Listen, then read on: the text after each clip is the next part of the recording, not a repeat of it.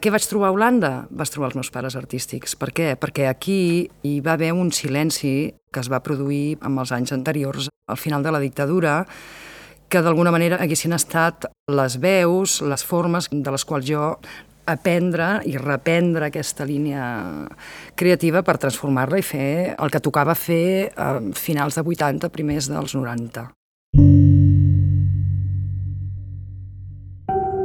Fons. Obres de la col·lecció MACBA explicades pels artistes. Eulàlia Valdocera. D'on venia? Pues d'una acadèmia que es va produir arrel d'aquest silenci als anys 80, quan recent inaugurada la democràcia, doncs un estat com molt aparent d'eufòria, que es va tornar molt regressiu, en què es celebraven unes formes que sobretot agradaven al sistema capitalista, al mercat, van néixer galeries, van néixer les primeres institucions, les institucions han anat molt de la mà del model galeria, etc etc. Doncs jo venia d'aquest boom de la pintura, mm, del pintor que s'autodomina geni i que cada gest que fa cada matí és un acte genial i per tant és conservable i per tant és exportable al mercat. I bé, del que jo vaig mamar, vaig intentar, donat aquest silenci dels 70s, doncs, eh, empalmar-lo amb el que venia fent els informalistes amb tàpies al capdamunt, perquè al fi al cap era el que havia l'entorn immediat, no? però no va ser fins la meva arribada a Holanda que vaig prendre contacte amb totes aquelles pràctiques dels 70s, que eren pràctiques amb tota una vessant de consciència política, d'incidir socialment. Eren unes pràctiques que també no pregaven per una formalitat, com aquí es va produir amb la pintura, no? La transvanguàrdia, amb la figura de, de Barceló, capdamunt, molt continuista i molt, molt conservadora. No? però va ser mamant de tot aquest passat pictòric que jo faig una sèrie de passos en el meu treball, un cop arribat a Holanda, en què em permeten fer la traducció, diguem-ne, de tot un món formal a un món gestual, un món d'actitud, un món de tres, quatre dimensions, en què mm, incorporo l'acció, incorporo els nous mitjans, incorporo llenguatges que em semblen que sí són els que la gran massa social està utilitzant per lidiar amb el seu dia a dia, per generar les seves imatges col·lectives. No? En canvi, la pintura em semblava una cosa superable en el sentit de que era una cosa regressiva, no? que remet a un art per pocs, fet per pocs, elitista, amb un llenguatge molt metallenguatge. I en aquest sentit, a veure, jo sóc filla d'una recent estrenada democràcia amb tota una il·lusió i, i que de sobte prenc consciència com s'ha aconseguit aquesta democràcia, no? amb com tota aquesta resistència ha estat silenciada. No? A Holanda no hi va haver cap gap, diguem-ne, que aquests artistes estaven presents i vaig poder, doncs, contrastar i de sobte tirar endavant una obra que és El malic del món, a partir de la qual jo decideixo que tot lo anterior no té sentit. És un treball de construcció que em permet parlar de la destrucció i de la mort. El material que jo utilitzo, a més, és les borilles. Creo una peça que jo destrueixo davant del públic, jo escombro aquest terra que m'ha costat dies de construcció, i automàticament tot el que s'ha generat al voltant d'aquest objecte, matèric, és tot el que els mitjans han reproduït. D'aquesta manera jo entro a utilitzar els nous mitjans, a no identificar-me amb un mitjà, com m'estava demanant des de l'acadèmia, no? i mm, destrueixo l'objecte de culte del museu, que és l'objecte finit i acabat i conservable. Eh, es conserven les despulles, és com un tema de testimonial. A vegades, quan algú desapareix, és molt més potent, perdura molt més en el temps que algú que està allà i potser no ho veus, no? perquè ha arribat a formar part de la teva quotidianitat. Aquests primers treballs pren consciència que hi ha una voluntat, si vols, terapèutica. Tampoc és el principal, perquè, evidentment, jo estic col·locada en una tradició i estic innovant, estic oh, rellegint, captant l'inconscient col·lectiu i donar-li forma amb imatge, però hi ha un, un viatge interior molt intens i molt necessari sense el qual les meves obres no les trauríem. En el cas de les borilles, de fet, el, el motor és que jo intento deixar el tabac, que és una situació en la que avui en dia encara és tan comú, tan generalitzada, i és una experiència iniciàtica de per si, tant al començar a fumar com a l'haver de deixar, no? com ho és una enfermetat, com ho és un accident, com ho és una mort o un naixement. No? D'alguna manera, durant aquesta lluita amb deixar-lo o acceptar el fet que fumava, es genera aquesta peça de les cigarretes.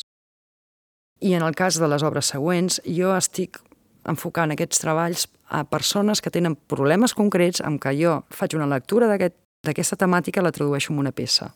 Mm? Això és una cosa que he parlat poc, que mm, al principi vaig mencionar, vaig escriure una mica sobre això. Però aquest moment inicial és per mi molt important, no? perquè mato el pare.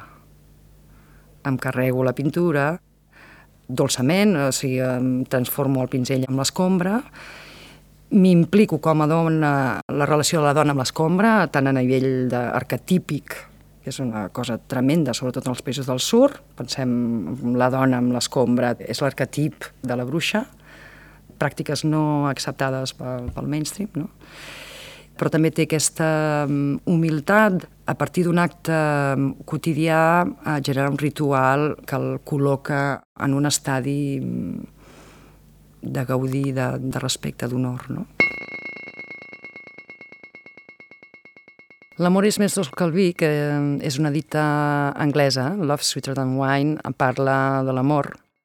Està recreant un saló. Jo en aquell moment em vaig eh, generar tots els espais que conformen una casa i mm, en cada un d'aquests espais eh, col·locava els objectes tòpics que es troben en aquests espais i elaborava el tipus d'emoció que normalment es gesta es conforma per cada un d'aquests espais. L'espai del saló era l'espai de l'intercanvi, de la conversa, de la relació. Aquí parlem de d'un espai bastant precari, és una alfombra, hi ha un tocadiscos a terra, estem parlant d'un moment on hi ha una celebració de la cultura musical, no? dels anys del punk, del rock.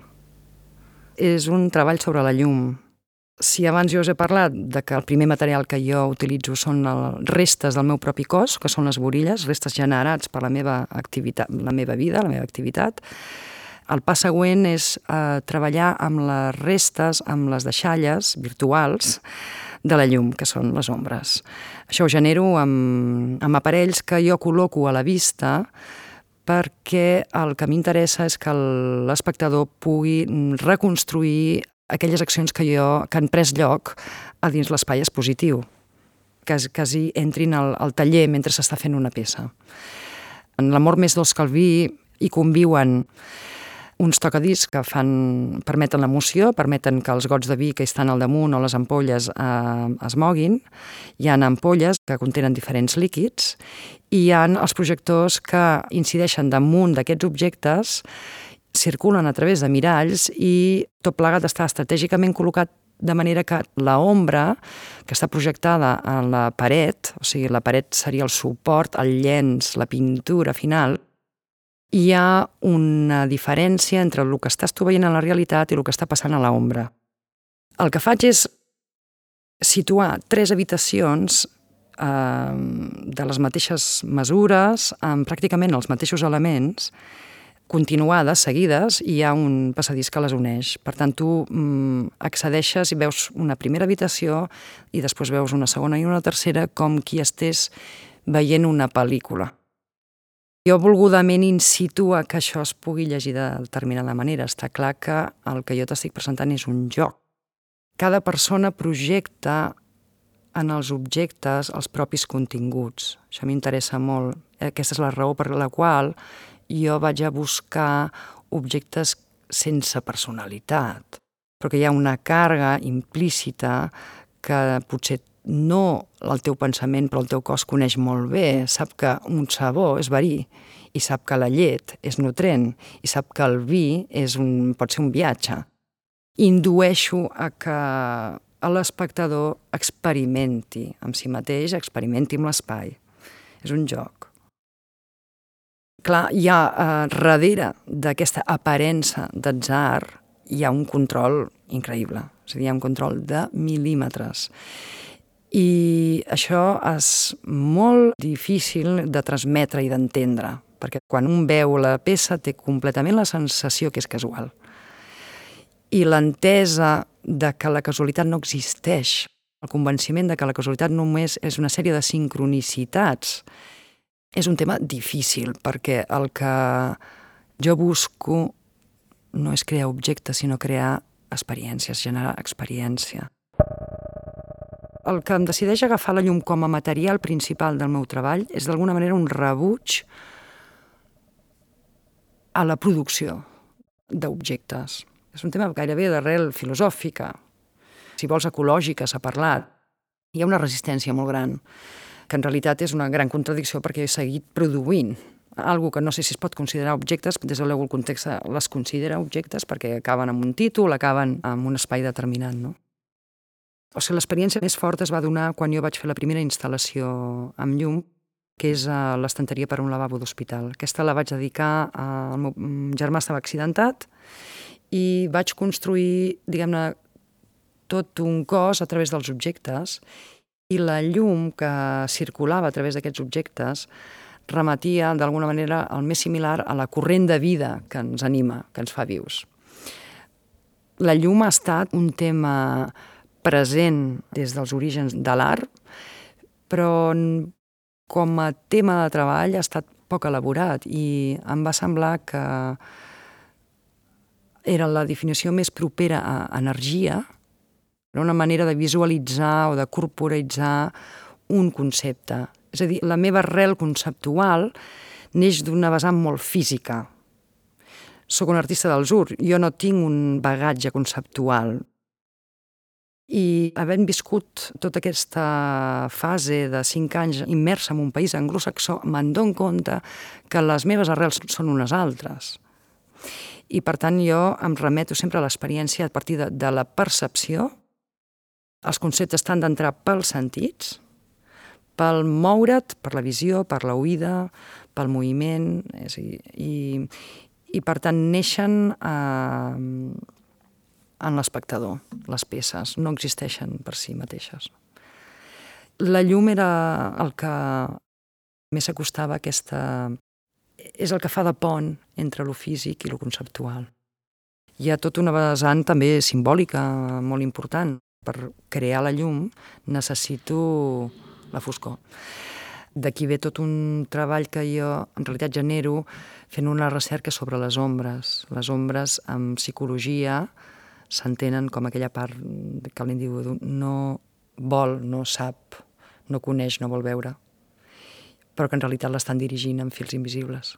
I per tant, eh, d'alguna manera jo estic fent una recerca portant llum a zones del subjecte, a zones de grans grups socials, per exemple, la dona, l'estatus de la dona a la nostra societat, que i ho faig a través de senyalar la seva ombra. Clar, la meva obra és lo particular versus lo col·lectiu. Quan s'ha parlat de biografia, jo crec que hi ha hagut una gran confusió, perquè, clar, en el moment en què no només jo, hi ha molts artistes que als anys 90 decidim anar a mirar qui som, des d'on parlem, d'on venim, anem a mirar el subjecte i què és el que ens han explicat que és un subjecte. La meva descoberta, els passos que jo he anat donant, ha sigut des de la pregunta del cos, o sigui, fer tota una elaboració sobre la primera esfera més propera al, al lloc, que és el cos, la segona esfera amplia expandeix aquesta primera, que és la projecció del cos en l'entorn quotidià, que és la casa entesa com un cos, com una segona pell, com algo que identifica i que és un agent tan viu com el teu cos, els objectes estan vius. En un tercer moment, aquesta esfera s'expandeix i abarca tot el que són les relacions entre jo i l'altre, eh, totes les peces que tenen que veure ja amb, amb una presència humana i tot el que és relacional, la relació d'amor, i després el pas següent ja és l'individu vers el col·lectiu, vers, faig ja aquestes peces que són um, espais monumentals, faig relectures, intervencions, um, parlant ja d'arquetips col·lectius, si vols.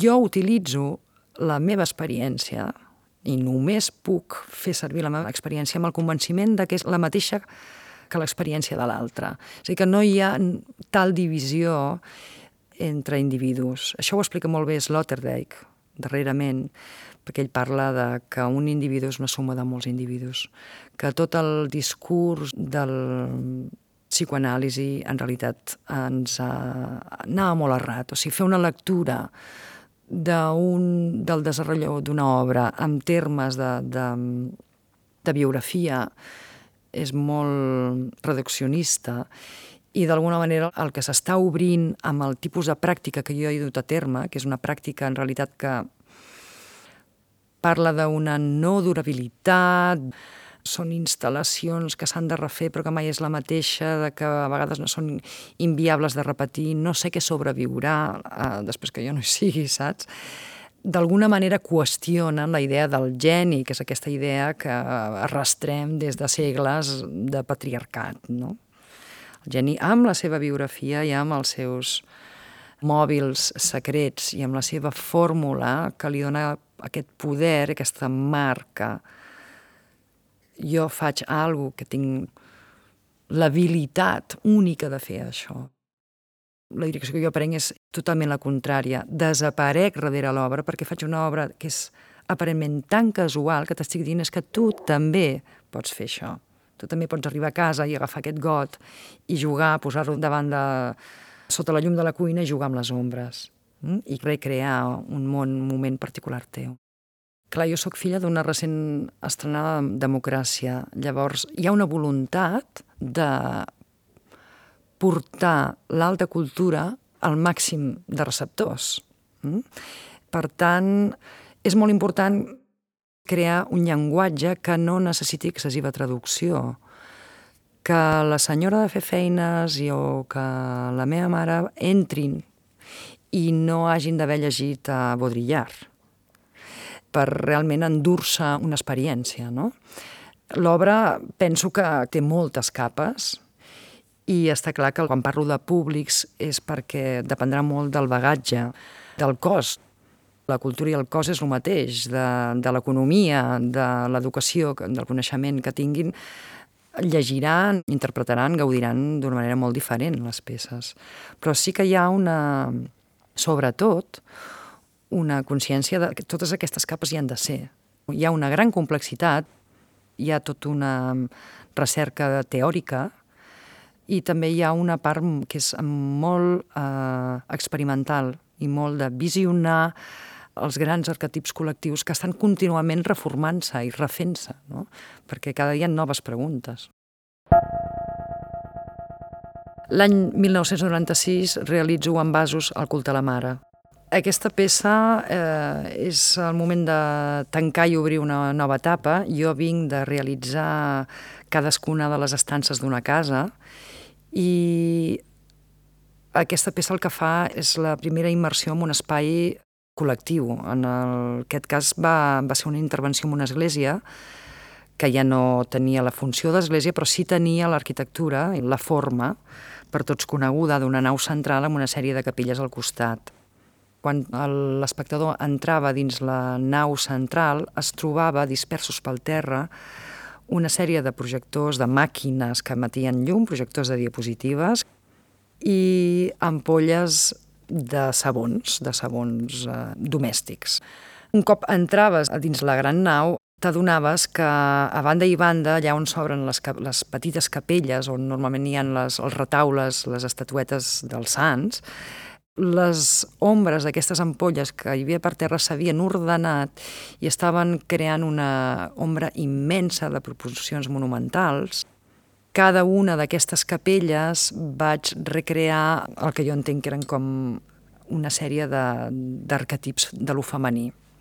És a dir, per primera vegada també afirmo i verbalitzo i conscientment que faig un treball sobre aquesta esfera del principi femení.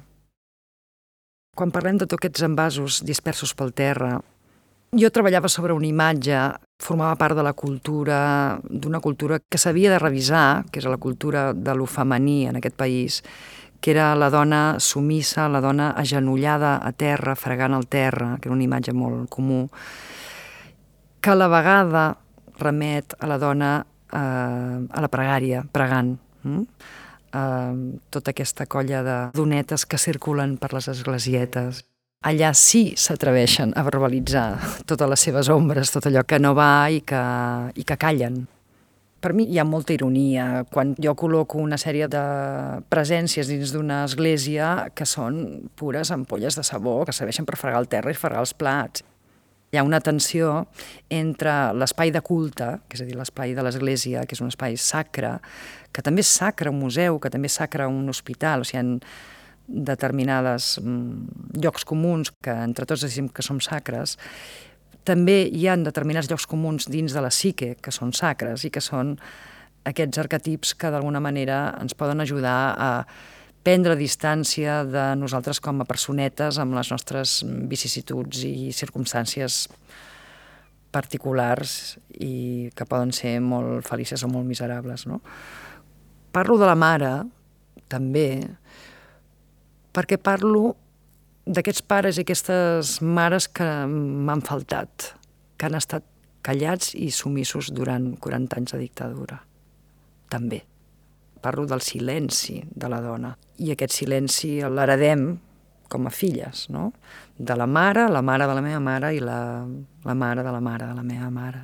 És a dir, ja hi ha una eh, intencionalitat de retrobar una línia creativa que en realitat m'he d'inventar. Les dones vam sortir a l'escena pública molt mancades de referents i d'alguna manera aquest treball està recreant amb molta ironia i molta mala hòstia, però a l'altra banda trobant moments de gran respecte i d'honor, de culte, aquest silenci, aquesta maternitat viscuda en silenci, aquesta dona que s'amaga dins la mare viscuda en silenci, que, que hem heredat de les nostres ancestres. No? A mi el fet de ser dona m'ha procurat una força immensa en el sentit de que tenia tant a resoldre, o sigui, tant a revisar, sobretot poder fabricar una imatge de mi mateixa en la que jo em sentia representada. Jo sempre m'havia vist representada per l'altre, per l'home. I quan parlo de jo, parlo del col·lectiu dona, o sigui, en, en plural, no? Aquest esforç crític el vam dur a terme un, un gran nombre de dones. El tema és que des de fora, en el context espanyol, les lectures van ser bastant més literals i es va generar com una mena d'onda d'art de dones, que és una cosa que per les artistes dones, jo crec les artistes que no han nascut amb aquesta prioritat és molt molest, perquè el producte final tu saps que transcendeix totalment el teu gènere, perquè estem fets dels dos principis, i si tu no abraces el principi masculí no pots crear, o sigui, has, has de fusionar els dos, no? Hi ha, de tota manera, una vertent en alguns treballs on hi ha una consciència feminista molt madura i que a mi m'ha estat molt útil i que vaig haver d'alimentar anant a buscar eh, els treballs i exemples doncs, de les feministes americanes dels 70, per exemple, no? que d'alguna manera nutrissin tota una sèrie d'intuïcions o percepcions que jo tenia que encara estaven com molt incipients el que a mi més em costa és cuidar uns fills malcriats, uns fills no independitzats. I faig una sèrie d'obres que després, quan tenen el seu recorregut, demanen la meva atenció contínua. Tot i estar sota l'aixopluc d'un museu, d'un col·leccionisme, requereixen de la seva posta a punt, de la seu estudi, de la seva reutilització, perquè en gran part estan concebudes com intervencions com lectures concretes, en moments concrets. Tot el tema que per mi ha estat molt dolorós és la manca de activitat museològica en si, és a dir, per mi un museu ha de documentar, ha de no tant conservar, però sí mantenir viva la memòria. És diferent a conservar un objecte quan jo em vaig conformar com a artista, em vaig donar compte que o bé dominava totes les esferes de generador, conservador, documentador, catalogador, inclús crític, difusor, o la cosa era molt difícil sobreviure. Un diria que dins el context artístic l'artista s'ocupa més d'actuar i una altra gent s'ocupa més doncs, de documentar i de fixar. La partitura és molt important. No? En realitat jo genero partitures i mm, el fet d'haver de reproduir un esdeveniment una i altra vegada en contextos diferents em avorreix, no? O sigui, hi ha, hi ha algú que desvia les energies i no deixa invertir en el present. Jo recordo l'escàndol quan en una entrevista que no sé si sabria datar, però sí, cap al 2000, en què jo li dic, bé, és que els museus no haurien de comprar, haurien d'estar pagant un lloguer o haurien d'estar pagant un sou. Clar, perquè la meva realitat és que se m'ha demanat muntar 20 vegades una peça, però amb la promesa de que l'objectiu final és l'adquisició, és la venda, hi ha tot un joc d'interessos que suposen un abús van suposar, o sigui, parlo d'una època determinada, un abús molt important a, a gent que, que portava a terme pràctiques com, com la meva, no? Quan jo hi he aterrat al país ja tenia pràcticament tot el cos de la meva obra fabricat. El que passa que vaig aterrar amb les ganes de que de sobte m'arribés l'encàrrec en el que a mi soleta pogués generar una exposició a, a partir de zero. I no, encara no ha passat. És a dir, a mi s'han produït dos retrospectives que he passat de 0 a 100, és a dir, de, no, de ser desconeguda, un artista de culte, perquè tot tenia lloc fora, en contextos col·lectius, però per mi eren petites individuals, on jo anava acumulant tota una sèrie d'experiències. Quan finalment les porto a casa, aquí, és com que de repent se m'obren les portes però se'm tanquen darrere, perquè em sepulten sota un, una entitat d'algú que ja està fet. I això es queda com congelat i deu anys més tard a Madrid em demanen la mateixa exposició, perquè m'han congelat. Aquesta dinàmica, aquesta llibertat, aquí mm, jo l'he viscut molt críticament, perquè no hi ha tant l'entesa de dir eh, anem a parlar amb aquest artista perquè a veure com fa aquesta lectura, aquest espai ens fa alguna cosa. No, van a mirar al fons de les col·leccions X, com qui consulta el catàleg de gerros de Vinson i trien, mira, aquest, aquest, això, això, això, això, fan una carteta i et demanen les obres. Això és la dinàmica que més he viscut al país, eh? Per falta de rodatge, està clar. És una cosa que tots hem anat aprenent, tots hem après, hem après molt ràpidament. Portàvem molts anys molt tancats, no? El meu taller és la meva vida, la meva experiència. Quan necessito posar nom a l'experiència i donar-li forma per entendre-la, per integrar-la, ho faig treballant. El meu taller és com una mena del quarto de jugar dels nens, dels crios que tenen a casa abans tenien les famílies. I durant molts anys ha sigut una alfombreta a terra i allà jugo. Hores i hores, no?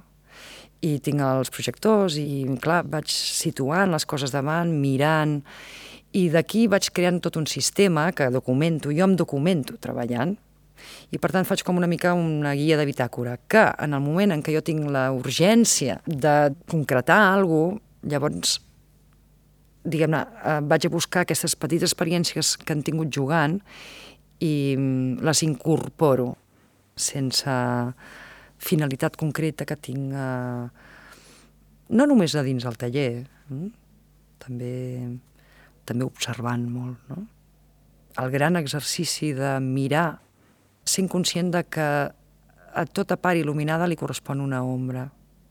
Si tu vas pel carrer o estàs dies invertint o sigui, la realitat, és un entrenament boníssim i és també una manera d'alterar la teva consciència, de crear estats alterats de consciència que permeten veure hi ha una altra part que no és activa, que ve de tota una tradició de meditació.